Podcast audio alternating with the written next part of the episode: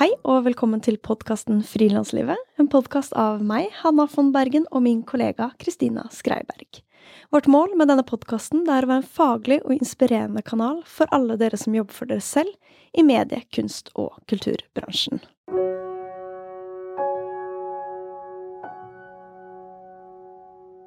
Jeg vil gjerne snakke litt om ukens annonsør. Jeg syns virkelig det ikke er noe stress å gjøre regnskapet mitt. Og det er fordi jeg bruker fiken.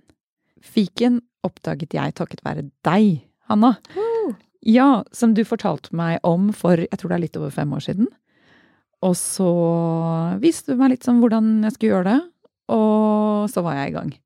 Men hvordan oppdaget du fiken? Jeg husker faktisk ikke.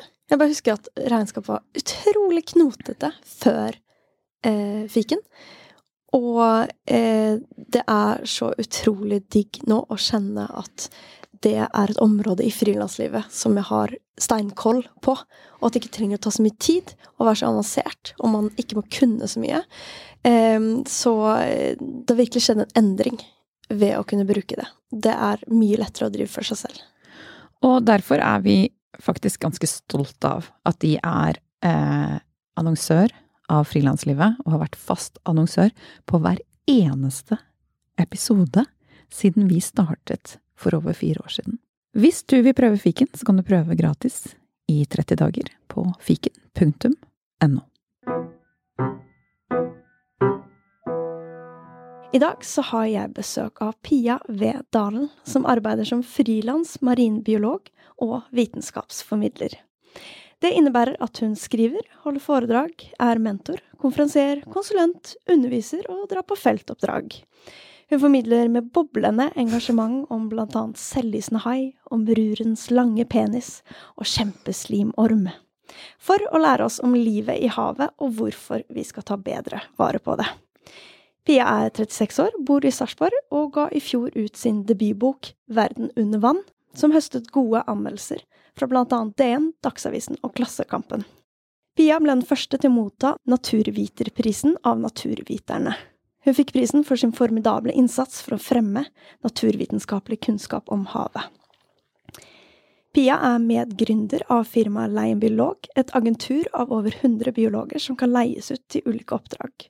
Hun er også mentor for Katapult Ocean og medgründer av festivalen Passion for Ocean. Pia har en master i marinbiologi fra Universitetet i Bergen, og jobbet der i ti år med undervisning i annet komparativ anatomi, zoofysiologi og marinbiologi. Jeg gleder meg til å snakke med Pia om hvordan man frilanser som marinbiolog.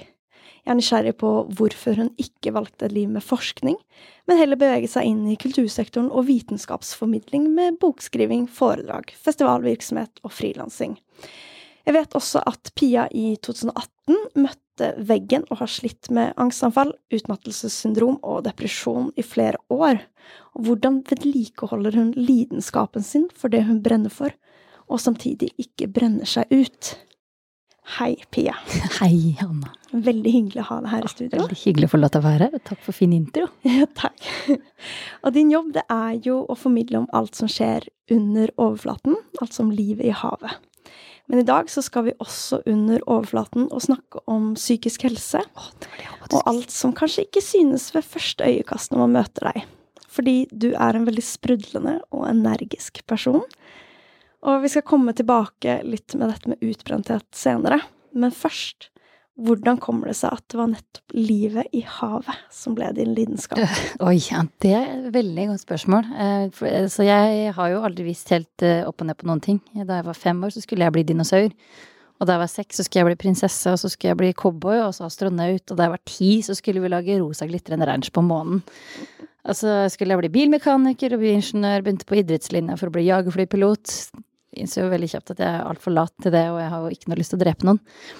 Så, men så kom liksom Biologien har bare alltid vært der. Og ifølge naboene på hytta og alle rundt meg, så var det sånn Selvfølgelig skulle du bli marinbiolog. Jeg har jo vært nesten litt sånn autistisk besatt av havet fra jeg var to uker gammel omtrent. Så selv om du har vært innom mye, så har det på en måte alltid vært en rød tråd. Yes, det har vært Globus 2, eh, for dem som husker det, og eh, massevis av bøker. Jeg bodde jo på biblioteket som barn omtrent, og har fant jo favorittfisken min da jeg var ni år gammel. Så det Og hva var den favorittfisken? Det er en fantastisk liten eh, fisk som heter pelikanål, eller golper eel på engelsk. Den er Den ser ut som en sånn hybrid mellom Pacman og en sædcelle. Og det bare én svær kjeft med bitte litt så teit øye på tuppen av den overkjeven. Og så har den en lang hale eh, med en liten sånn lanterne på tuppen. Og den har da fått navnet pelikanål fordi den har litt ganske stretchy hake. Og den bor nede i dypet, og der er det ikke så mye mat. Ikke sant? Så når det først kommer noe forbi, så må den gjerne bare spise det. Uansett hvor stort det er. Praktisk. Veldig praktisk. Har du noen andre favorittdyr fra havet? Det er kanskje vanskelig å plukke ut noen. Det blir som å velge mellom ungene. Nei, altså jeg er ekstremt glad i blekksprut generelt. Jeg har jo to stykker tatovert på kroppen i sånn ren hommage, for det er jo så Jeg tror ikke egentlig den fins, jeg tror bare det er en sånn kollektiv psykose. Eller at altså, på et eller annet tidspunkt så var det noen aliens som kom forbi og bare sånn Her er det vi en planet full av aper med angst, la oss kødde litt med dem, og så satt en blekksprut her. For det er så sjukt at det finnes et dyr som Altså tenk deg bare hvor mye hjernekapasitet som skal til for å knytte en neve eller åpne opp en dør. Du må være smart med en raptor, har jeg lært på internett eller på Jurassic Park for å åpne opp den døra, men altså skal du gjøre det med åtte armer, samtidig som du skifter form og farge på alle cellene i huden din. Bevisst. Og de kan gå i ett med absolutt hva som helst. De kan gå helt Altså, de skifter jo struktur på huden, så de kan se ut som rynker og bobler og knudrer og det som er. Eh, men så er de fargeblinde. Ah, Ja, sant? And how does it work? Jeg skjønner det ikke. Jeg blir veldig frustrert. For jeg, og så er det én spesiell blekksprut som heter vampyrblekksprut. Vampiroteuthis infernalis på latin. Hva heter den på? Den heter det, altså den heter Det latinske navnet betyr direkte oversatt The Vampire Squid from Hell.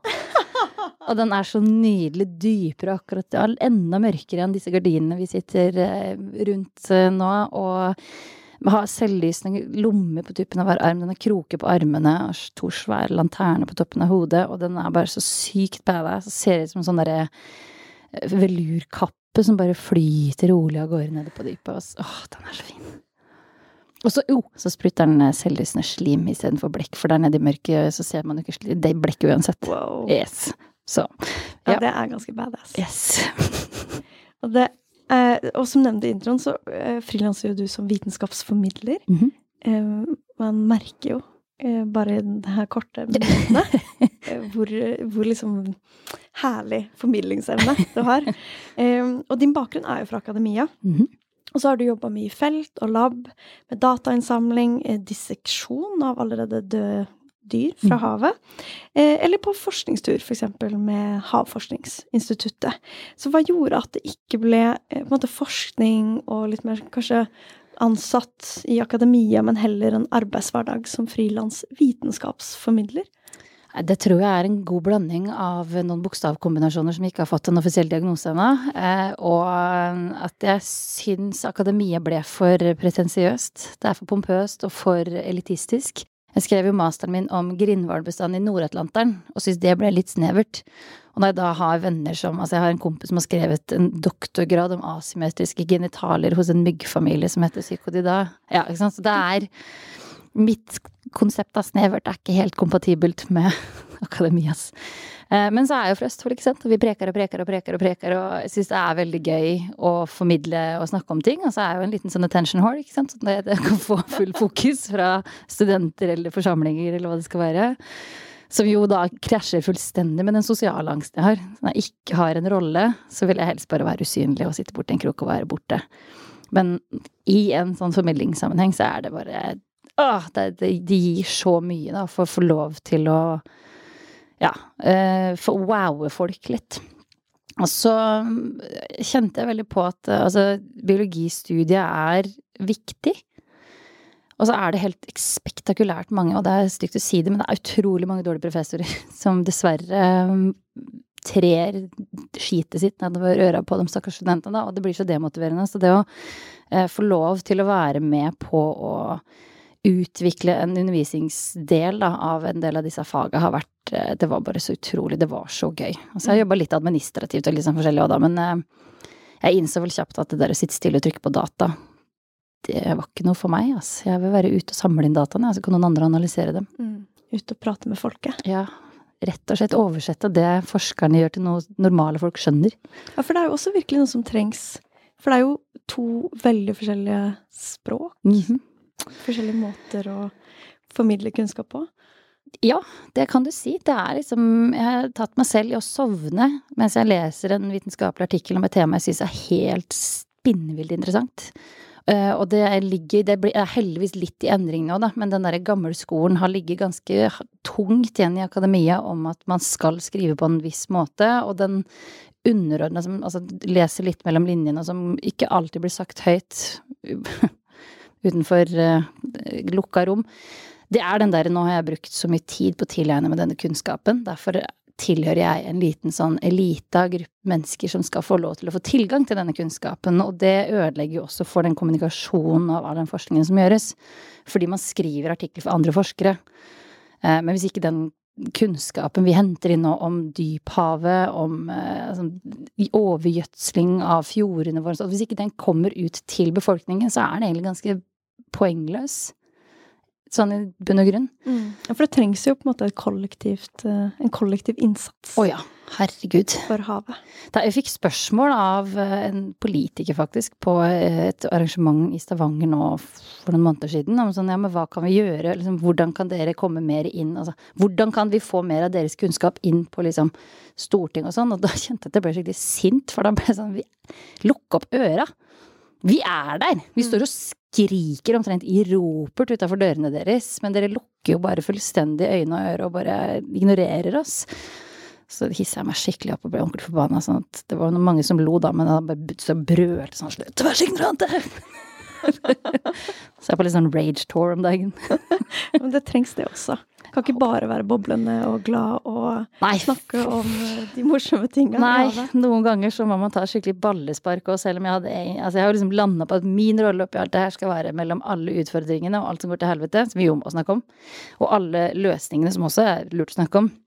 Så glemmer vi jo bort den derre hva og hvorfor. Hva er det vi prøver å redde, og hvorfor skal vi gjøre det? Så hvorfor skal du endre livet ditt fordi jeg syns rur og penisen deres er dritkult, ikke sant?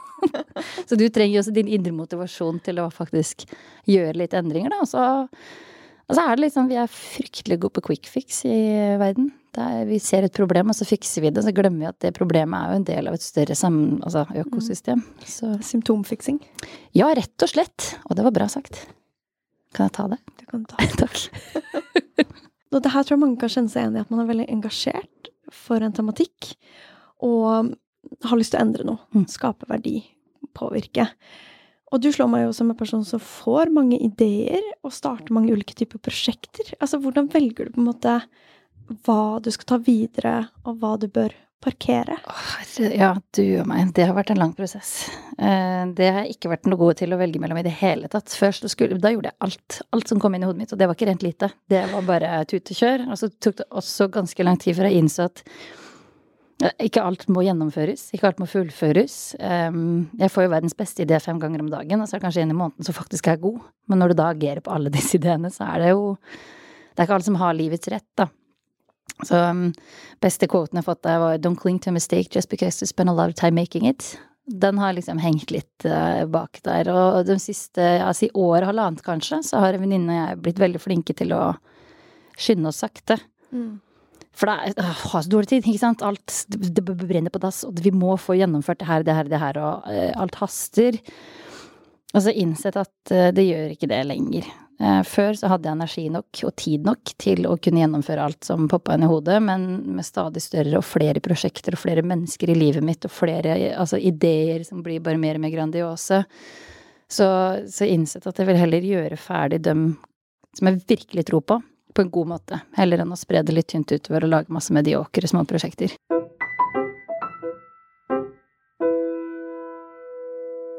Og du starta i 2019 firmaet Leie en biolog, Mhm.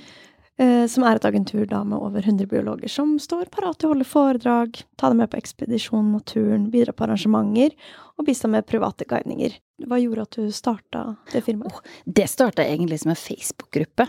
For jeg fikk eh, i 2017 og 2018 så ble det liksom mer og mer og mer og mer, og mer trøkk, og fikk masse forespørsler om å reise hit og dit, og jeg var jo i Berlevåg, eh, altså Jeg var jo overalt. Og så blir jo det slitsomt. når det er stadig flere prosjekter og stadig mer som krever ting, eh, så innser man jo at man kan ikke være overalt hele tiden. Så jeg bare tenkte ok, vet du, nå bare samle sammen de beste biologen jeg kjenner i en Facebook-gruppe, så kan jeg bare liksom, slippe å lete etter dem på lista hver eneste gang. Og så møtte jeg en som heter Kaja Lønne Fjærtoft, og hun er jo bare et fyrverkeri av en familie, hun eh, også. Så da var det sånn, her var det en bra match. Vi lager et, en forening. Så får vi på en måte faktisk kunne, ja, fakturere litt. Og så så vi at eh, etter et år så gikk det mye bedre enn det vi hadde tenkt at det skulle gå. Og da ble firmaet oppsatt i slutten av 2020, var det vel. Og det var, ja, det, det var rett og slett Det starta som en sånn nå skal jeg skåne meg sjøl for for mye reising, og så endte det opp med å bli en veldig kul greie hvor vi på en side jobber med å få senka terskelen for folk der ute til å få, altså, få, kontakt med naturfaget, da, på en måte. Altså, det er veldig mange som har en høy terskel for å ansette noen på prosentbasis for å komme inn for ett eller to prosjekter, men det å leie noen, så bare send en faktura, så er det greit, det er supert. Um, og så for biologene sin del nå, så ser vi at det her er en glimrende måte å bli kjent med hverandre på. Nå, altså vi har 160 biologer faktisk i nettverket vårt nå over hele Norge. Mange er der bare for det sosiale. Eh, mange er der helt som nyutdanna eller under utdanning. Vi, det her gis som et springbrett da, ut i arbeidslivet. Um, det er tre stykker allerede som har fått jobb som en direkte konsekvens av å ha vært i leiebiologsammenheng, så det er jo kjempegøy. Um, vi forhandler opp lønningene deres, prøver å sette biologifaget litt mer opp i den posisjonen det faktisk fortjener å være, da. For dette har vært mm. litt underdog sammenlignet med ingeniør og sånn. Og det er veldig kult, for jeg tenker sånn i kultursektoren så er man kanskje vant til at musikere har management, eller en illustratør kanskje har et agentur. Mm. Så det er veldig gøy at uh, dere har lagd et for biologer. Ja, det, og det skal sies at jeg har jo bakgrunn fra musikkverden, om man kan si det som student. Jeg var i Aktive Studenters Forening sin bookinggruppe mange år og har blitt litt sånn kjent med bookingprosessen. Og begynte å innse at her er jo Det må jo ikke bare være musikere og standup-komikere som kan bookes. Mm. Så jeg var ikke dritgod på det, det skal sies. Nå har jeg fått poacha en av Norges beste bookere. Live Sørli Jørgensen er blitt daglig leder i Leirbiologene, og hun har bare tatt helt nye høyder. Så ja, det er veldig gøy. Eh, I en artikkel i KK så sier du at jo mer struktur og planer og rammer som ble lagt i og rundt livet mitt, ja. desto kjedeligere og mer frustrerende syns jeg det hele ble. Ja. Um, og det er jo interessant også i forhold til å starte et agentur med over 100 biologer, som jo egentlig er veldig mye struktur og system. Hvordan har de her tingene gått sammen? Altså, jeg er veldig glad i struktur, egentlig. Um, da jeg var student, så hadde jeg jo altså, Jeg var leder i biologisk fagutvalg, satt i Instituttrådet, programstyret, Realistutvalget, fadderstyret. Jeg jobba på Frivillighetssentralen, hadde jobb på Akvariet Bergen, på leirskole ute der. sånn, jeg jobba med undervisning. Altså, jeg hadde, jeg tror jeg hadde sju-åtte jobber ved siden av studiene, i tillegg til en sånn drøss med verv. Så timeplanen min var jo bare Men det var Jeg syns det var kjempestas. Og så var det akkurat som idet jeg leverte masteren min, så var det et eller annet bare sånn som puh så gikk lufta ut av strukturhodet.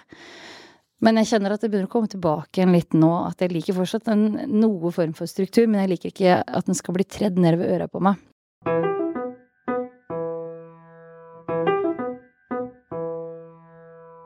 Og når jeg hører deg snakke, så skjønner jeg jo at det har vært et ganske høyt tempo. Ja. Med veldig mange prosjekter, mye jobb, høy arbeidskapasitet høyt energinivå. ja. Og så, i 2018, så gikk det jo på en ganske smell. Kremsmell, kan man kanskje kalle det. Og møtte veggen, og mm. det sa stopp. Fortell. Ja, det er jo en sånn Jeg prøvde å tenke tilbake, men jeg ser Altså, hva skal jeg si Det er så mange elementer av en sånn prosess jeg skulle ønske vi lærte mer om på grunnskolen. Hva skal man se etter? Hva er et angstanfall? Hva er depresjon? For når jeg ser tilbake nå, så tror jeg jeg har vært deprimert siden 16-17-overgangen. Altså jula 16-17 er første gangen jeg husker jeg dro hjem og tenkte sånn der, Oi, jeg har ikke lyst til å snakke med noen. Det har ikke skjedd før. Jeg elsker familien min, men da hadde jeg bare ingen interesse av å kommunisere med noen. Eh, og så var det mye som skjedde på Ja, det ble litt mer uenigheter innad i liksom organisasjonen som endte opp med at jeg jobba veldig mye, også fordi jeg fikk litt sånn derre Litt sånn guilt-tripping på at jeg ikke gjør nok. Eh, uten noe særlig lønn og sånt nå, da. Og så var det et Jeg Kalle det en, et brudd med en fyr som drev med litt sånn psykisk terror, nesten, gjennom det året. Mm. I tillegg til at jeg, jeg har jo blitt fortalt at jeg går ikke akkurat stille i dørene. Det er vel heller mer en sånn her kommer jeg med en bazooka og bare blåser opp og liksom Åh, her kommer jeg, og det vil du ikke. Og det gikk ikke så veldig godt over hos en del gubber, da. Så jeg, det var en liten gjeng med sånne trauste karer som på, var sånn borderline mobbing, rett og slett, da. Mm. Hvor de var litt skikkelig sånn derre fjortis ungdomsskoleopplegg. Ja, det var skikkelig kjipt. Eh, og så har jeg liksom tenkt at det kan jeg takle, det kan jeg takle, det kan jeg takle, det kan jeg takle. Så skjønte ikke jeg at summen av alle de her elementene, det var ikke så bra. Eh, så jeg har tenkt veldig mye på det at jeg hadde jo elleve arbeidsdager, jeg har inkludert helg i hele 2017. Eh, og jobba for en slikk og ingenting, for det var oppstartfasen på så mye. Vi hadde nesten ikke midler. Altså eh, Så hele året så var det elleve dager som elleve var fri. fridager. Og da hadde jeg sånn noen ganger femtimersdager, noen ganger eh, 18-timersdager. Det ja.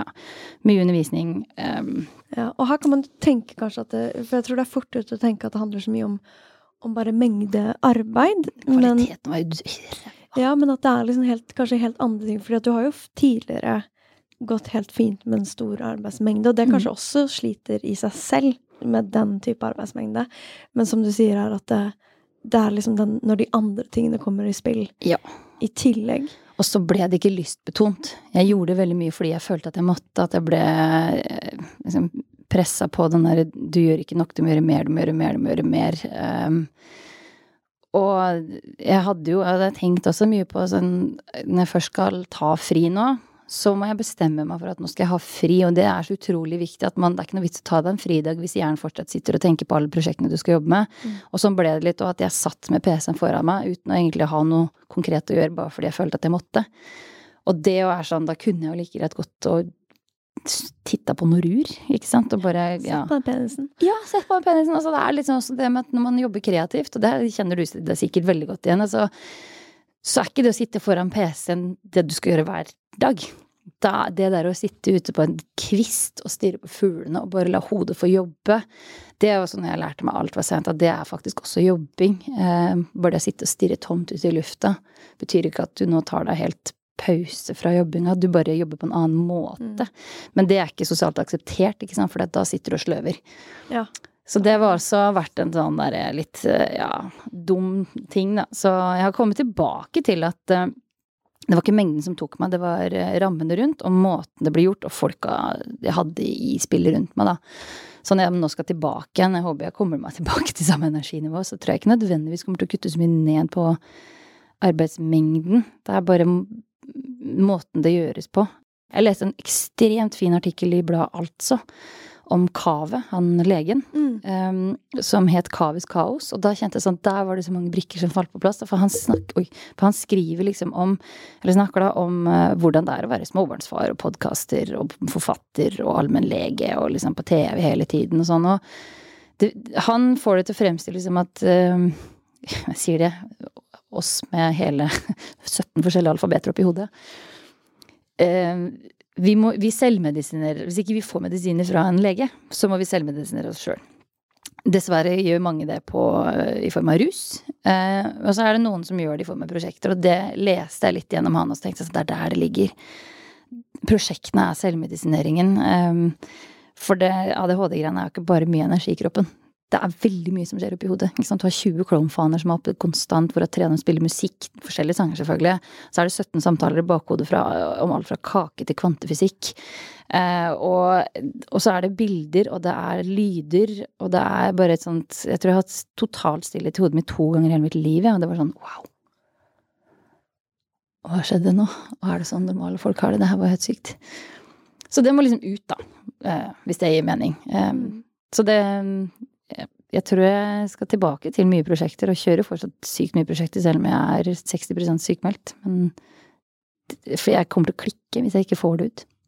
Eh, For de som kanskje på en måte, Jeg tror at veldig mange som lytter, kanskje har vært i en tilsvarende situasjon med å gå på veggen, eller i hvert fall strøke borti den i perioder. Eh, Men hvordan opplevdes, opplevdes det for deg når det på en måte tok stopp? Hva Da- skjedde med kroppen, hva skjedde med hjernen og psyken?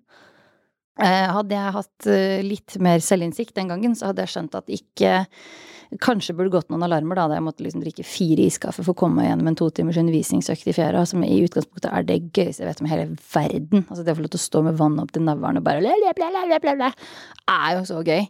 Men det sliter jeg fortsatt med i, til i dag, da, med å, å gjennomføre sånt. Um, for jeg blir fysisk utmatta av det. Og det var så merkelig, jeg husker jeg la merke til det noen ganger, at hver gang jeg fikk en beskjed fra en kollega om liksom, nå skal du gjøre det sånn, så gikk kroppen i umiddelbart utmattelsesmodus. Jeg, jeg, ble, jeg ble altså bare sånn sliten. Helt totalt tom for energi. Jeg husker jeg tenkte det der er merkelig, men det er noe med bare skjerpe meg, liksom. Så egentlig noe du har gleda deg til før, ble du liksom bare trøtt og helt ja, tom av tanken på å skulle gjøre? Og det er liksom når du da i utgangspunktet har bygd opp din formidlingsgreier rundt det å være ikke sant, hopp og sprøtte tjo og hei, og du starter på minus 60% så koster det så enormt mye å komme seg opp på det nivået hvor man egentlig skal være, da. Um, og så hadde jeg heldigvis allerede et år i forveien planlagt å være på Træna i fem uker sammen med The Northern Company mm. for å høste tang og tare der oppe, for da var jeg sånn nå jeg er praktiker, jeg orker ikke mer sitte inne, skrive, liksom sånn. Så da den tiden kom, så hadde jeg gleda meg skikkelig til å komme ut der. Hadde fått permisjon, sagt ifra, og da hadde det også vært en periode gjennom våren i 2018, da, hvor um, jeg var først med som egentlig som konsulent på en TV-serie som het Planet Plast, og så tror jeg de kanskje skjønte etter hvert at her har du en person som faktisk kan snakke litt. Så de lurte meg med på én episode. Jeg sa faktisk først nei. Og så fikk jeg kjeft av en kompis som bare faen, Pia, du kan én ting her i verden, og det er å snakke. Gå og snakk. Ja, på NRK. på NRK. Ja. jeg var jo livredd, ikke sant. Nå går, har det jo man jo blitt litt mer vant med det, men jeg var, jeg hadde, altså, jeg var mortified, men jeg kommer ikke på noe bedre norsk ord. Så det er så dødsskummelt. Eh, og det ble så sinnssykt trøkk, og det var ut med det her sånn, og med disse her gubbene som ble, ble enda surere, for da tok jeg enda mer i spotlight. Um, og den kom vel ut i april, og da tok det jo bare fullstendig av. Og da hadde da i tillegg til eh, både innspilling og lansering, for vi spilte inn samme siste episoden rett etter at første episoden kom ut. Så på siste episoden så dissekerer vi en grindhval sammen med Line Elvsås Hagen, hun rosahåret som er programleder, så jeg, var, tok jeg henne med på det. Og rett etter at vi var ferdig med det, så kjørte vi rett inn til Oslo og var på Lindmo. Mm. Det lukta så jævlig i de garderobene der etterpå. vi satt der og bare stinka så sinnssykt. Men, og da bare eksploderte verden, ikke sant. Og det ble lørdagsportretter, og det var kjempegøy egentlig. Men um, jeg hadde jo alle mine prosjekter fra før. Vi skulle ut på turné med Hold Norge Rent, og rydda Strandrydduka. NRK hadde kjempefokus på marin forsøpling. Og så døde bestefar midt oppi alt det her. Mm. Og på en måte så er det sånn, jeg var jo helt knust. Um, men på en måte så tror jeg også det var litt bra. For da ble jeg tvunget til å bare sånn, ok, hva er det egentlig som er viktig her nå? Um, ja, bare få stoppe opp, at no, ja. noe gir deg tillatelse, bare ja, Kul han helt. Ja. Så det der, den var litt tung, og så kom jeg meg til Træna etterpå, eller etter hvert, da. Um, og da husker jeg det sagt til de andre at hvis ikke jeg er utbrent, så er jeg i hvert fall veldig godt på vei inn i det. Så når jeg drar til Træna nå, så er jeg der, liksom. Mm. Ikke ta kontakt med meg. Ikke fordi jeg ikke syns dere er ålreite mennesker, men bare sånn La meg bare få lov til å være der og koble ut hjernen litt. Så fikk jeg to dager der før jeg begynte å få den første meldingen om noen fakta som skulle sendes inn for et prosjekt som jeg ikke hadde hatt noe med å gjøre, og som fordi jeg var faglig leder, så måtte jeg jo. Ja. Og så gikk det et par dager til, og så ble, fikk jeg kjeft for ikke å ha svart på en uh, foredragsforespørsel. Det her var i april. Foredraget skulle vært i september. Da var jeg sånn Det haster ikke. Mm. Og husker på 17. mai så satt jeg og gråt og skrev en lang mail. Bare sånn nå, jeg klarer ikke mer. Nå er jeg ødelagt. Kroppen min funker ikke. Jeg, altså, jeg klarer ikke gå opp en bakke uten å bli sliten. Jeg gråt meg i søvn, og to dager før så hadde jeg fått angstanfall i vannet.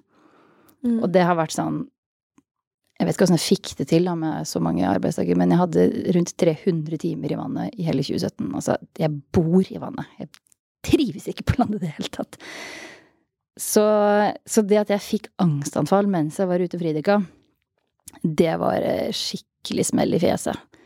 Siste skansen dit hvor jeg alltid har kunnet dra for å liksom roe ned.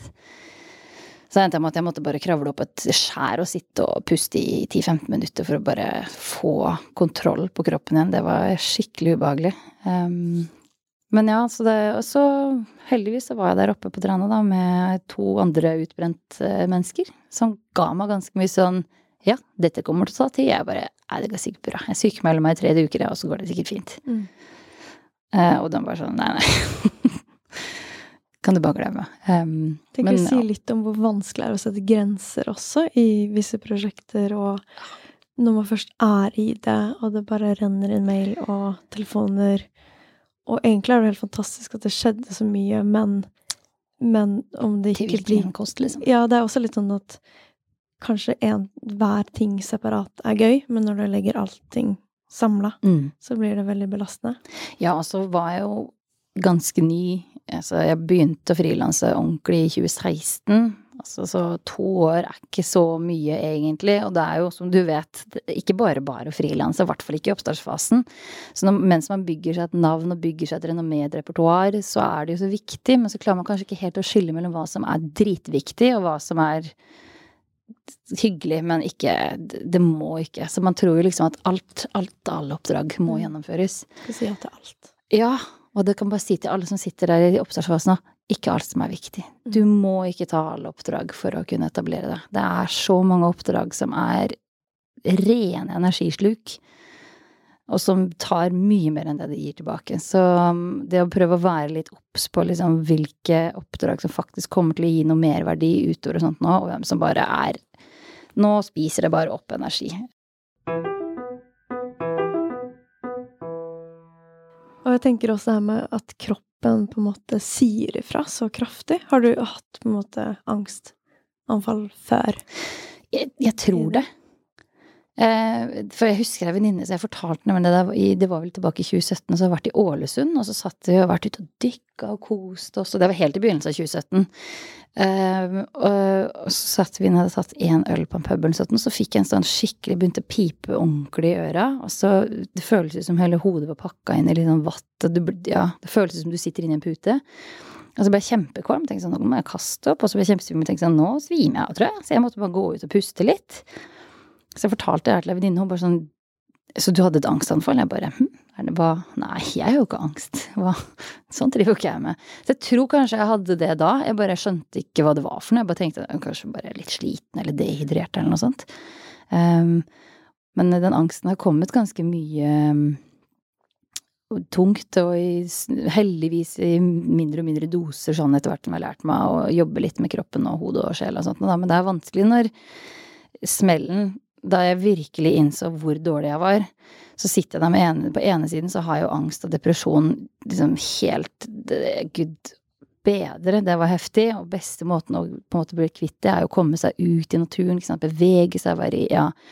Men på andre siden så har jeg da utmattelsen, og det brukte også kjempelang tid på å skjønne at kroppen min har nå gått helt ned for telling. For jeg kunne gå en tur på ti minutter, kvarter, jeg. Og så kunne jeg ligge flatt ut på sofaen i to uker etterpå. Jeg var skikkelig skikk. Jeg ble dårlig av å gå turer. Um, så jeg husker jeg sa det her til jeg hadde vært på en rolig gåtur. Ikke noe mer enn kanskje 100 meter i høydemeterforskjell totalt. Gått i kanskje 30, av to, eller 30 minutter av to timer. Og måtte krype tilbake inn til leiligheten fordi jeg var Jeg hadde så vondt. Det var sånn Det føltes som jeg hadde løpt opp Mount Everest mens folk hadde stått og banka meg opp. Og så drukket en kaffe og tatt en New Energy, og så skal jeg løpe videre opp et nytt fjell, da. Så den, den intense smerten blanda med tom for energiheten der, sånn, den var helt sinnssyk. Så det er klart, det var jo litt vanskelig da hvem som skulle få mest oppmerksomhet. da Var det depresjonen som skulle få oppmerksomhet i dag, eller var det Og så slenger du litt ADHD. Ja, fy fader, det å ligge fanga i sin egen kropp. Fy søren. Um, nå skal jeg jo på ME-utredning, da, men legen har jo egentlig snakka om den diagnosen i tre år allerede. Mm, og ME da er utmattelsessyndrom. Ja, som Mm. er en sånn slags Vet ikke helt hva vi skal få ut av det, men det er i hvert fall greit å bare vite litt. Ja, han skal på full utredning. Men det er det å ligge på sofaen. Du kan ikke se på TV, kan ikke lese bok, kan ikke ha på lys, kan ikke ha på lyd, kan ikke ha på noen ting. Kunne ikke ligge på mobilen fordi alle sansene sier bare 'Å, det gjør vondt'. Og så ligger alle musklene i kroppen din og føles ut som Altså, det er sånn det er vondt å ta på dem, det er vondt å bevege seg, det er vondt, bare kjempevondt. Og så er hodet sånn «Ah, la, la. Ikke sant? Du ser bare for deg den lille apekatten med sånne sånne trommer som går og slår. Sånn Kjede meg! så det var gøy. Jeg, jeg tenker jo at en del eh, Når man snakker om sånn å gå på veggen og om utbrenthet, eh, så er det fort gjort å tenke at liksom sånn Å, det ble for mye. Så gikk man på en smell, og så slapp man av, Mm. og så kanskje man liksom Så kommer man seg opp igjen. Ja. Men jeg tenker liksom den her Ja, altså en gavepakke av dritt med liksom angst, depresjon, utmattelsessyndrom, utbrenthet Altså, det er jo Det er jo eh, veldig over Altså overveldende eh, Ja. Eh, hva skal man si? Det blir veldig mye. Ja, det blir veldig mye. Ja. Jeg tenker sånn hva Hvordan påvirker liksom det ene det andre? Ah, den er kjempevanskelig. Eh, som sagt så har det vært en sånn prosess nå For man, depresjon, det handler jo ikke om altså, Man er jo ikke trist, sånn som mange tror. Du blir veldig flat, og så blir du veldig sliten. Eh, så depresjonssliten er liksom én ting. Eh, utmattelsessliten, det er en annen ting. Men de to se, de føles veldig likt ut. Men utfallet av å pushe seg gjennom depresjonssliten og gå på tur, er noe helt annet enn å pushe seg gjennom utmattelsessliten og gå på tur. For um, Og det er noe jeg har begynt å Og heldigvis nå som depresjonen har sluppet litt taket nå, da, så er det fortsatt noen dager hvor det kommer litt sånn og, og går.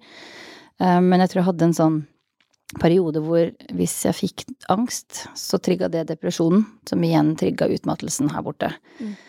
Eh, og det Da var det sånn Da jeg skjønte den sammenhengen, så var det lett, for da hvis når angsten kom, så gikk jo jeg full sånn der krigermodus og bare ikke helvete om jeg skal la den angsten ta over nå, liksom. Nå skal jeg bare «Åh!» For jeg vil ikke at Jeg orker ikke den utmattelsen. Jeg tror den utmattelsen har vært verst fordi den, den, den er så kneblende, liksom. Men, eh, men det, det har vært noen interessante dager nå de siste, altså i halvannet året kanskje, hvor jeg har hatt oppdrag. Eh, Blant annet eh, hadde et oppdrag sammen med Marin Omsorg i Fredrikstad, som er et fantastisk prosjekt hvor kriminalomsorgen har gått sammen med en ryddegruppe. Og har med seg da sånne si, softsonere ut i fjæra for å rydde søppel istedenfor. Så jeg skulle ut med dem og snakke litt om rurpeniser og gøye ting, og våkne opp og var bare sånn å, fy faen, i dag gjør det vondt i kroppen. Så jeg var en millimeter fra å sende melding og si orker ikke komme. Så tenkte jeg nei, fader heller. Det er ikke noen rasjonell grunn til at jeg skal ha så vondt i kroppen nå. Jeg bare, jeg drar, og så i verste fall så får jeg bare dra hjem tidlig, liksom. Og så viste det seg at den dagen der sånn, det var en sånn depresjonssliten dag. Mm. Så det var kjempebra for meg at jeg pusha meg ut av senga den dagen og kom meg i gang. Gikk jeg, dro jeg med sykt mye mer energi enn da jeg dro ut. Eh, men så kommer det en annen dag der hvor du tror det er depresjonssliten, og så er det utmattelsen, og så pusher man seg gjennom, og så Det blir bare mye verre. Ja, veldig mye verre. Ja, utrolig vanskelig å navigere i. Ja. Og finne ut hva som hjelper. Mm er som en sånn uh, Rubiks kube hvor du bare er i blinde, liksom. Ja. Du går liksom litt sånn, ja, blindfolded baklengs gjennom en sånn labyrint og skal prøve å finne ut hva som er riktig vei, og det er ikke alltid lett. Så det er jo klart Når utmattelsen har vært på det tyngste også, så, så slår det litt tilbake psykisk, for man blir så skuffa. Altså får så veldig sånn Jeg har hatt perioder hvor jeg bare tenkt sånn Altså, jeg orker ikke Jeg skal ikke si at jeg har vært suicidal, men jeg har tenkt at hvis jeg dør nå, så skal ikke jeg være lei meg. For nå er jeg ferdig. Jeg orker, det er slitsomt. Det er liksom Ja, åh, det er, det er skummelt å si det sånn. Men som sagt, jeg har aldri vært suicidal. Overhodet. Jeg har bare tenkt at liksom Døende, så dør jeg, liksom. Og det får være det. Da får jeg kanskje hvile litt. Men eh, det, er, det, det har kicka tilbake mentalt noen ganger som har vært ganske brutalt, og du ligger der og får litt sånn Åh, er det her resten av livet mitt? Uff, og det skjønner jeg, for, og med energien, det er på en måte det er det viktigste du har. Mm. Og når du er vant til å ha så mye av det, så er det så utrolig Jeg kan tenke meg at det blir helt sånn surrealistisk å forholde seg til at det bare ikke fins noe der. Nei, det er jo også Energien er én ting, og lysten er noe annet, da. Når jeg har da bygd meg opp et navn som hun som er i vannet hele tiden, og bare ikke klarer å holde kjeft om havet. Plutselig sitter jeg bare sånn, jeg hadde ikke litt lyst til å være i vannet. Jeg syns havet var noe dritt. Jeg har fortsatt Jeg har ikke klart å se Jeg tror det er to eller tre år siden jeg kunne sett en David Attenborough-dokumentar uten å få angst. Mm. Det er jo helt håpløst. Nå har det heldigvis begynt å komme tilbake igjen, da. Nå har jeg endelig kommet inn i en sånn der Nå gleder jeg meg, koser jeg meg med å lære om havet igjen. Men man stagnerer faglig. Du blir sittende der og har, som har de samme argumentene og de samme faglige fun factsene å komme med. Og ikke noe interesse av å lære mer. Det var bare, jeg hadde bare lyst til å sitte ute i skauen og se på maur. Eh, og um, den har blitt litt sånn Jeg følte liksom at jeg mista meg sjøl, da. Ja. For hvem var jeg uten havet, liksom? Så det blir jo hele identiteten. ja, rett og slett. Ja, og det tror jeg veldig mange kan kjenne seg igjen i, fordi det vi jobber med, er så knytta til det vi interesserer oss Ja. for, og det vi på en måte som gir så mye mening da, i Mm. livet, og at det er veldig vanskelig å skille mellom liksom hvem man er, og hva man driver med. Fordi ja, de henger så nært sammen. Mm. Veldig mye. Jobby, jeg pleid å kalle det. Hva sa du? Jobby. Jobby? Mm, jobb og hobby, det er samme. Jobby, sånn, ja.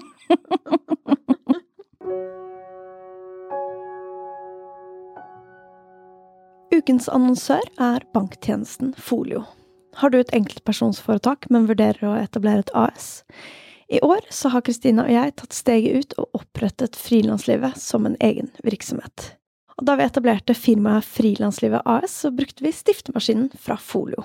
Fordi med stiftemaskinen fra Folio så får du gjort hele jobben med å stifte ditt eget aksjeselskap på ett sted. Det var superenkelt, og det tok oss kun fem minutter, og så ble vi loset gjennom alle steg av Folio med å overføre penger, motta bedriftskonto, signere papirer og vente på organisasjonsnummer. Sjekk ut stiftemaskinen.no for mer info.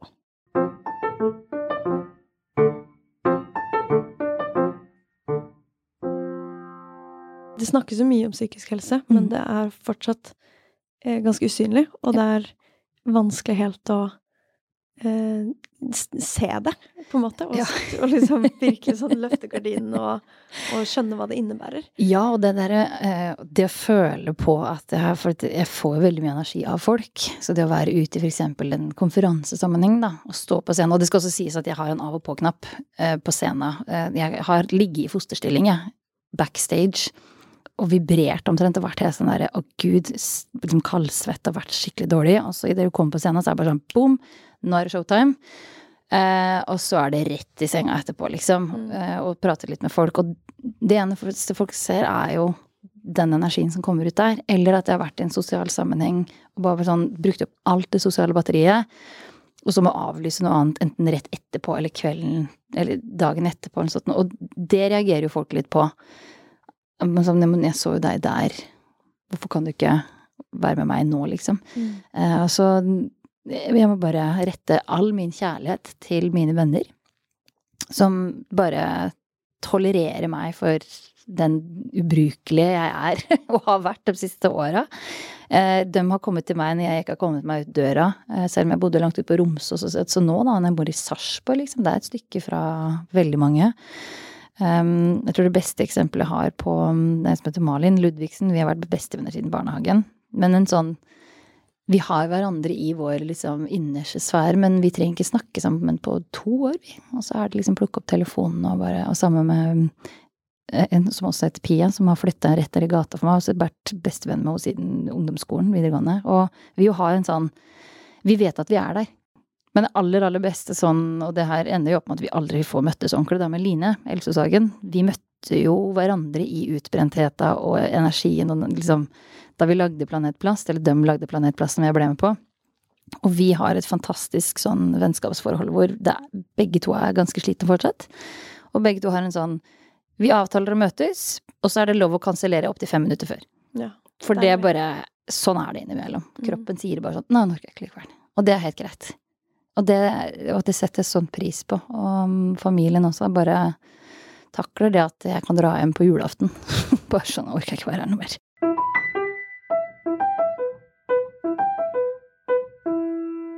For nå har det gått fem år, og eh, du er 60 sykemeldt. Herregud, er det så lenge? Ja, hvilket år er vi nå? Ja, hvis vi tar med 2017, ja. 17, 18, 19 20. Eh, så du har jo på en måte fått levd og jobba med det her en god stund. Og jeg vet jo også at i, i denne perioden i rundt 2018 eh, så har du jo Så skrev du bok. Mm. Eh, og på en måte har hatt ganske liksom, mange store prosjekter gående. Hva har du lært deg om liksom, hvordan tilrettelegge eller, eller finne balanse? Ja, den jeg sliter fortsatt litt med det. Så jeg går fortsatt på noe sånn jeg måtte sende en mail til et ganske stort gøyalt prosjekt i går, bare si at det, nå, vi må utsette, for det, det her går ikke akkurat nå. Um, hvis det skal bli bra, da. Så men den der bokskrivinga var veldig fascinerende, for jeg har jo høye ambisjoner, og når jeg først setter meg ned og skriver i skrivemodus, så kan jeg pumpe ut 10-20 sider om dagen, liksom, da Men det er ikke nødvendigvis så veldig bra, da, men det er bare Det blir sånn der oppkast uh, som skal ut. Men så Ja, så jeg fikk Jeg ble kontakta av et forlag, og jeg tror det har vært suksessfaktoren til at jeg har kunnet jobbe med den så lenge. Så det var ikke jeg som gikk til et forlag og sa hei, vi skriver bok. De kontakta faktisk meg. Det var intet mindre enn fire forlag faktisk som tok kontakt, så det var litt sånn jøss, yes, hei, hei. um, så fikk jeg en um, Så sa jeg ja til det første som spurte, for det, sånn er det jo. Førstemann til mølla tenkte jeg var uh, greia å gå. Og hun som skulle være redaktør, hadde jeg hatt på fridykkerkurs tidligere, så det var litt morsomt.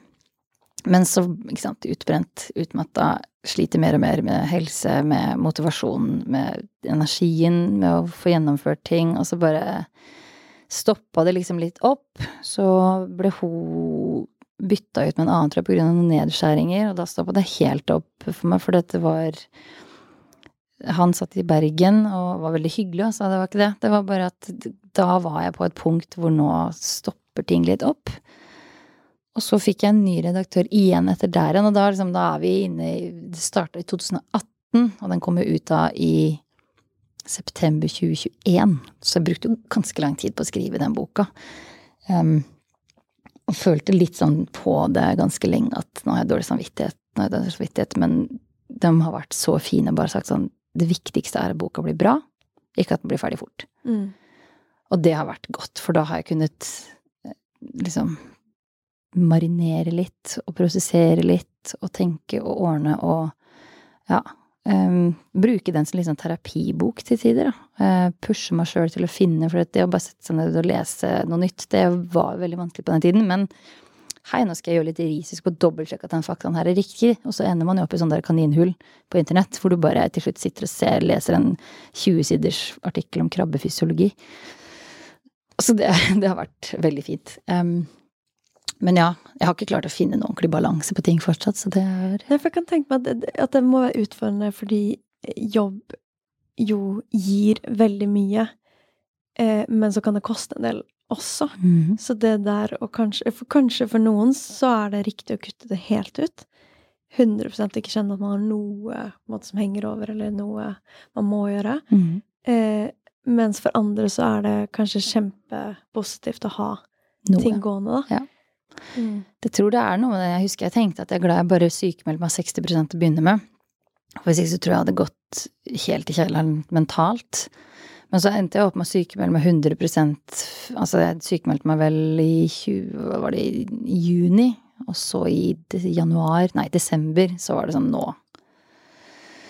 Nå er det 100 på frilansingen og, og, det som er nå. Eh, for nå bare Nå klarer jeg ikke mer. Men eh, ja, jeg vet ikke hva som er riktig å si. Jeg tror det, helt, det kommer helt an på Det er dumt at man ikke har noe fasit på det der, altså. Men uh, jeg tror det er liksom det å finne de prosjektene som faktisk klarer å gi deg litt oppi alt kaoset, da. Bare holde litt på dem, og holde på den folka. For det, også, det å sile ut de menneskene som bare tok, det har også vært en prosess. Jeg har jo hatt ganske tung sosial angst, tenkt at alle skal like meg, og vært litt sånn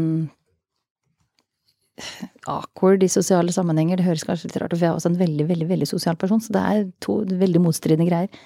Eh, men det å innse at man trenger ikke være venn med alle Sånn som disse gubbene, da, som jeg ikke har noe interesse av. Og han ene har kommet i etterkant og vært veldig sånn ydmyk og bedt om unnskyldning og sånn. Da spurte om ikke vi kan drikke øl. Og så har jeg tenkt sånn Jeg har nok venner, ja.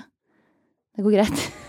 trenger ikke det i livet mitt. Mm, det er bra. Ja, og det har vært eh, Ja, det er godt å ta noen sånne noen sånne grep. Eh, og Nei, det er, det er Jeg syns det, det, er vanskelig å å si noe fornuftig om den balansen, for den er så individuell, tror jeg. Men det hun Live, altså daglig leder nå, har vært veldig på, er to år sånn Du skal ha minimum to sammenhengende dager fri hver uke. Så hvis du må jobbe på en lørdag, så er det søndag-mandag. Ikke sant. Må du jobbe på søndag, så blir det fredag-lørdag, eller ja, hva det skulle vært, da. For det blir jo mye helgejobbing når man skal reise hit og dit og sånn. Eh, og den har vært veldig fin. Og så fint å ha folk rundt deg, både eh, på praten med venner, men også i jobbsammenheng, Ja. som virkelig skjønner greia. Ja, det var Jeg la jo alle korta på bordet jeg, i intervjuprosessen der og sånt, og bare sånn Dette er meg. Jeg er takras. Et majestetisk takere, som en venninne så fint kalte det. God på de her tinga, ubrukelig på de her tinga, god på de her tinga, men ikke akkurat nå. Um, trenger hjelp med det her, det her, det her. Jeg sliter med utmattelse sånn og sånn og sånn og sånn og sånn. Og hun har vært altså en klippe det siste året jeg til Eller gir mye av æren da, for at det går så mye bedre med meg nå eh, det, etter det året som har gått, til blant annet Liv, da, som har hjulpet til med å ta unna den administrative biten. Altså, hun kan bookingprosessen. Uh, hun kan sitte og forhandle på mine vegne. Mm, det Det, er veldig deilig. ja, en liten klapp og applaus for Ja, livet. fy faen. Applaus til alle disse dere gode lederne der ute. Som bare Det er så deilig også å høre om gode ledere, for jeg syns ofte man hører om det er så veldig vanlig at man hører om det motsatte. Ja, jeg er føler liksom det er forskjell på leder og sjef. Ja, ja og manager. Ja. Mm, ja.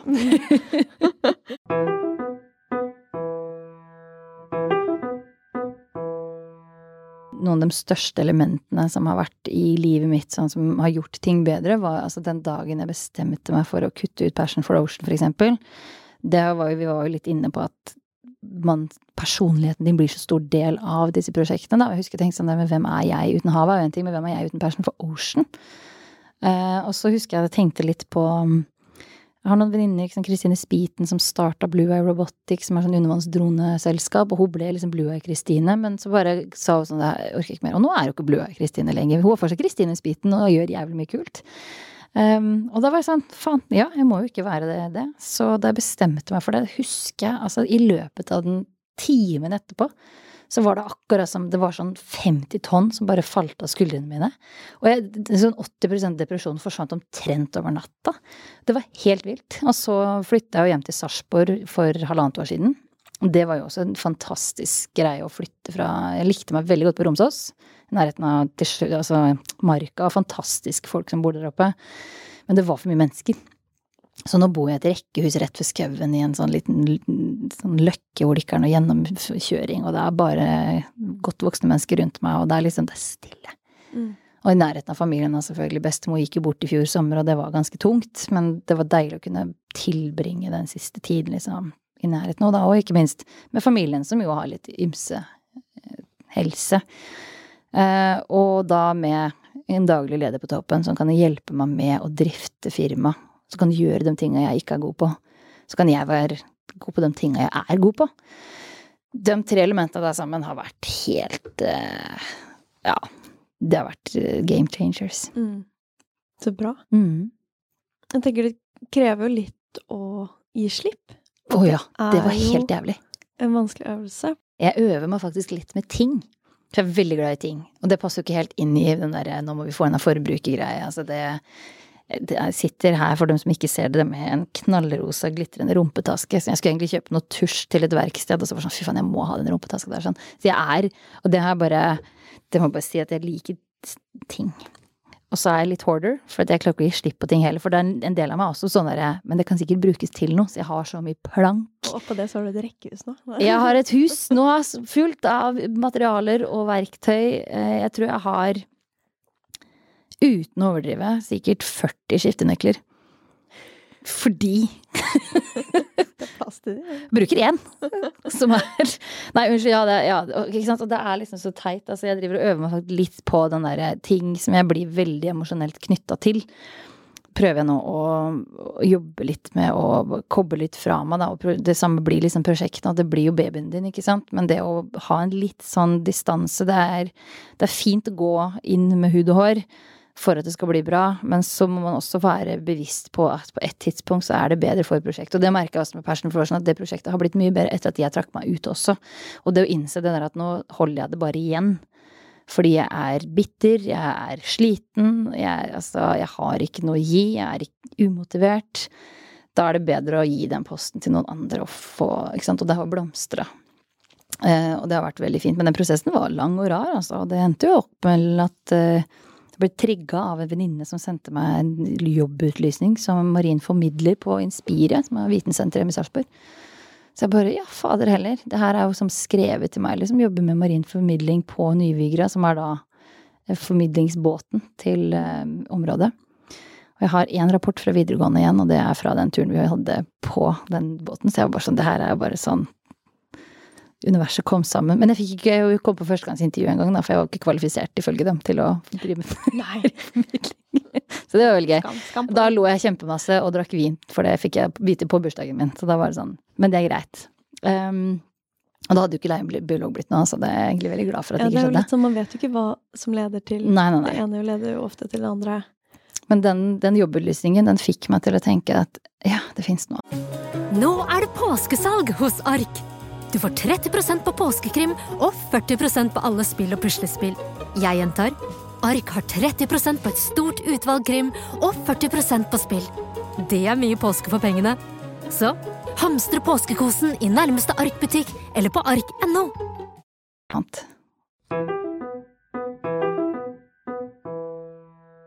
Og du har i et intervju med BeEco, som er en sånn bærekraftsbutikk, eh, som nå dessverre ikke eksisterer lenger, men så har du lagd en skikkelig sånn fin liste med tips yeah. eh, som jeg tenkte du skulle lese, og som du gjerne får utdype litt. Yeah. Og der skriver du at tips én er jeg tenker mental helse og kroppslig bærekraft burde være en del av læreplanen i Mhm. grunnskolen.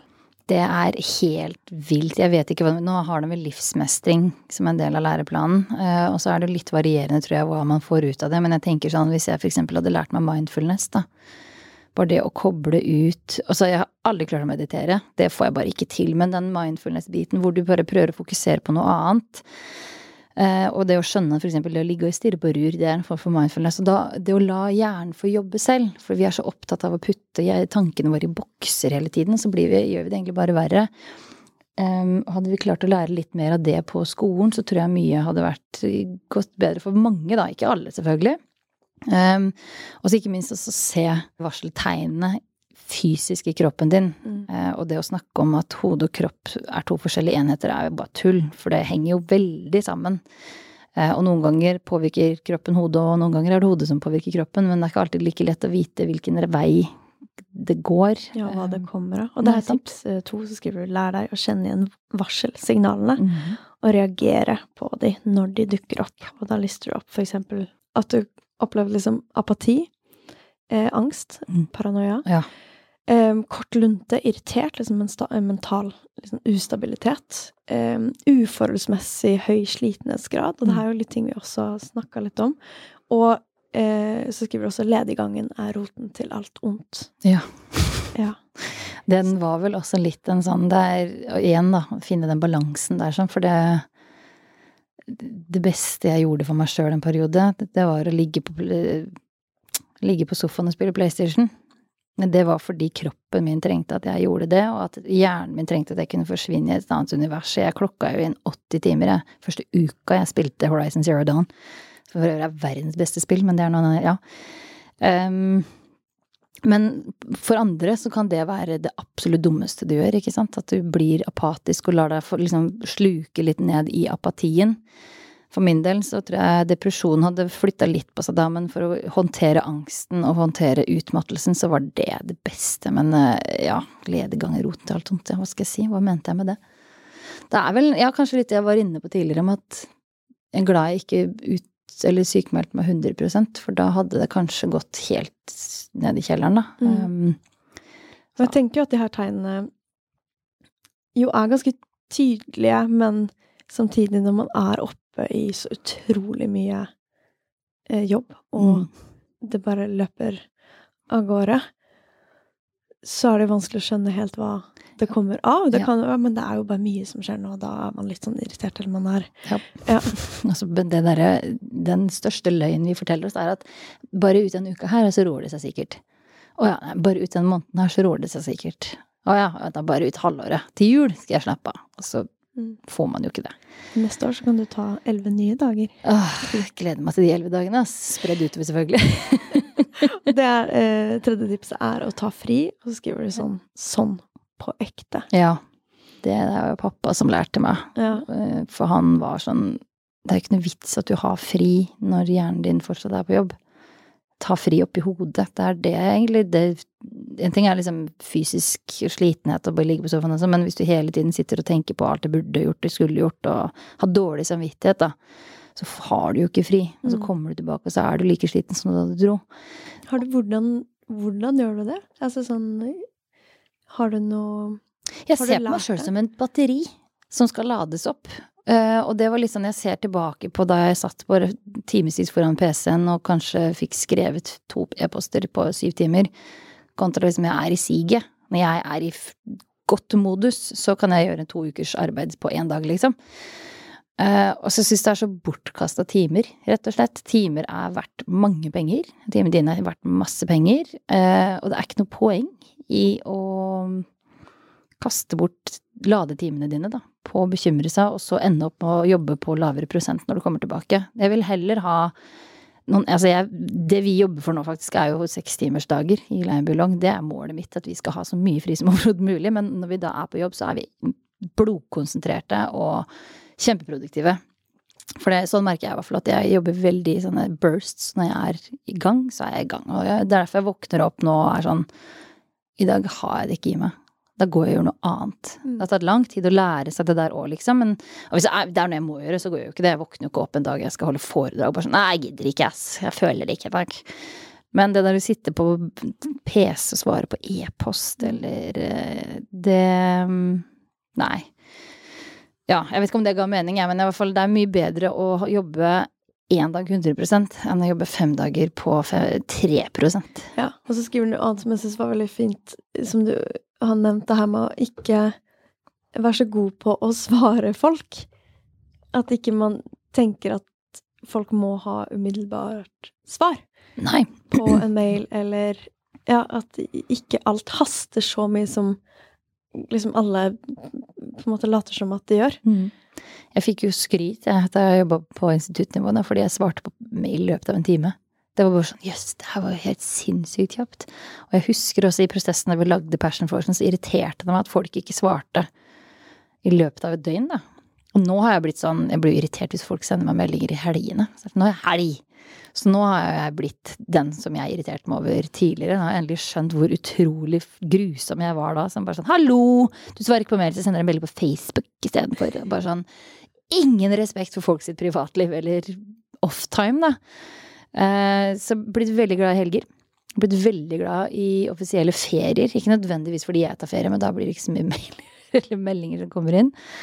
Eh, og jeg har ikke notifications på Facebook eller Messenger eller Instagram eller mail. Ingenting. Det eneste som kommer inn hos meg, er WhatsApp og SMS. Og jeg jobber nå med å ta bort eh, telefonnummeret mitt fra offisielle liksom, telefonkataloger. For det Jeg orker ikke. Og det, er, det, har ligget folk inne på Messenger som ikke har fått svar på tre måneder og sånn, for det bare Mm. det, det blir for mye. Rett og slett liksom skjerme seg litt Ja. fra alle inntrykk. Ja, og det, han, jeg jobba litt med mm, en mm, for noen år siden som sa det at men det fine du gjør med deg selv der, da, eller det jeg hadde gjort med meg sjøl der, var jo å sette en slags ny standard for meg sjøl. Jeg, svarer ikke. Det er bare sånn det er. Skal du ha et svar fra meg, så må du ringe, og da tar jeg ikke telefonen, for jeg har hatt snakketelefon. Eh, eller sender meg en SMS, eller bare sånn Folk har, jeg tror folk har blitt, eller han mente i hvert fall det, jeg tror han har rett i, at folk har blitt flinke til å sile ut hva de faktisk skal ha i gåseøynene plage meg med. Er det noe som haster eller noe jeg må svare på, Mm. så har det blitt det som sendes inn. Og nå For før så var det alt. Og jeg tror det hvis vi hadde vært litt flinkere til å snakke om de grensene i offentligheten også, eh, og få folk sånn som meg da i 2016 til å forstå at eh, folk har arbeidstid. Ja, og så har du noen eh, avsluttende tips som også er å snakke med folk rundt deg. Og du har fortalt veldig fint om liksom, viktigheten av de rundt deg. Eh, og jeg tenker også hele denne samtalen, og bare det å snakke om det, ufarliggjør det litt. Og vise også at man er både ikke-fungerende samtidig som man er fungerende. Ja. Liksom på en og samme gang. er litt viktig, for det er fort gjort å tenke at det er liksom skummelt å si sånn Hei, nå ligger jeg nede. Mm. Eh, og kanskje spesielt som frilanser så er man liksom redd for å ikke få oppdrag, Ja. eller at folk bare Nei, men da takler du ikke det her, eller Men at, at liksom de to lever litt sånn side om side, egentlig. Det er at du kan dra på Ja, du kan stå på en scene, som du sa, og Mm. liksom prestere maks, men så trenger du kanskje noe annet i hverdagen for å hente deg inn. Ja. Mm. Og så får jeg ikke svart på de tusen e-postene, og det frustrerer. Nei, det, det har vært eh, første posten jeg la ut om at nå er jeg sliten og trenger litt fri og sånt nå, det var egentlig mest en sånn nå har jeg dårlig samvittighet overfor alle de menneskene jeg føler jeg har skuffa i prosjekter. Og så orka jeg ikke sende individuelle meldinger til alle sammen og bare si hei, sorry. Så jeg bare la egentlig den ut på Facebook som en sånn herre offentlig Jeg bare ikke Sorry, alle sammen, men nå har jeg gått ned fortelling. Og den tilbakemeldingen jeg fikk på den posten, den var så overveldende av folk som enten hadde vært der, eller som hadde som akkurat kommet seg ut av det, som var i det. Eh, til og med fått fra noen som har sagt at de har klart å styre unna fordi jeg har vært så åpen om ting. Da. Så det motiverte meg veldig til å skrive mer. Og også det at det altså skriving for meg har vært veldig deilig. Det er jo, ja når jeg har noen sånne kjipe dager, så har det vært digg bare kunne rante litt og rage litt. Og så har jeg følt at det har vært sånne sutreposter, og så har jeg angra umiddelbart det jeg har lagt dem ut. Og bare gått sånn hvorfor gjorde jeg det her? Og så kommer det bare inn et sånt tsunami av støttemeldinger fra folk. Som sier, og jeg får så mye tilbakemelding fra venner og fremmede som er sånn takk for at du er så åpen om det. Og så skal jeg bare hive inn en liten, fin opplevelse som jeg hadde i fjor, nei, i fjor, til rett før um, fellesferien. Da jeg drev arrangerte litt forskeskole for kids. Og i uke 25 var det vel noe sånt nå, rett før sommer, eller hovedferien, så hadde vi med oss tolv unger ut i fjæra på Hvaler. Og da hadde jeg det skikkelig tungt. Den uka der var ikke bra. Jeg hadde ingen matlyst, spiste nesten ingenting. Jeg gikk ned ti kilo. og Det var, sånn, det var helt katastrofe. Så på onsdagen så fikk jeg heldigvis en sånn psykologitime litt tilfeldig. Jeg fikk dra til psykologen min, da. Så jeg måtte dra hjem før vi var ferdige. Vi var plenty med folk. Der, sånn. Og da husker jeg tenkte sånn, nå skal jeg bruke den anledningen her sånn til å bare ufarliggjøre det å gå til psykologen. Så jeg sa til kidsen, nå skal jeg dra hjem. Og så ble det, å nei, hvor skal du? Nei, jeg skal til psykologen. Og de bare oi, nei, hva har skjedd? Så Nei, jeg har det bare ikke så bra oppi hodet akkurat nå. Og så var de sånn ok, god bedring, da. Ses i morgen. Og så tenkte jeg sånn der. Sånn er det. Jeg tror jeg spurte også om det var noen som hadde gått til psykolog, og han eh, mest energiske av dem rakk vel opp hånda og tenkte sånn yes. Liksom. Men de var veldig, og det var en, en mamma som fortalte meg det etterpå, at ja, kommet hjem og så hadde de sagt at du skulle til psykologen, og så var det liksom det. Og de sa var sånn så, så deilig at det var ikke noe sånn nå skal vi sette oss ned og så skal vi prate litt om Ja, psykologen. det er som at du sier 'jeg skal til legen'. Ja. Skal til hodelegen. Ja. Jeg sa det til en annen og var sånn Å, gjør du slått deg? Nei. Inn, inn, Inni hodelegen. Ja. Det er Så, veldig fint. ja. Ja, den, den var jeg glad for at jeg fikk lov til å liksom å, å gjøre det her, da. Så kanskje jeg så noen frø hos dem også om at eh, psykologer òg kan brukes forebyggende, Mm. og ikke bare reparerende, sånn som vi holder på i dag. Så shout-out til alle psykologer der ute, dere gjør en så sykt viktig jobb. Ja, Takk. det var veldig fint. Takk for at du kom hit, Pia. Takk for at jeg fikk Det til å Det var en veldig fin stund å prate med deg. Takk for at du deler. Alltid. Ha det.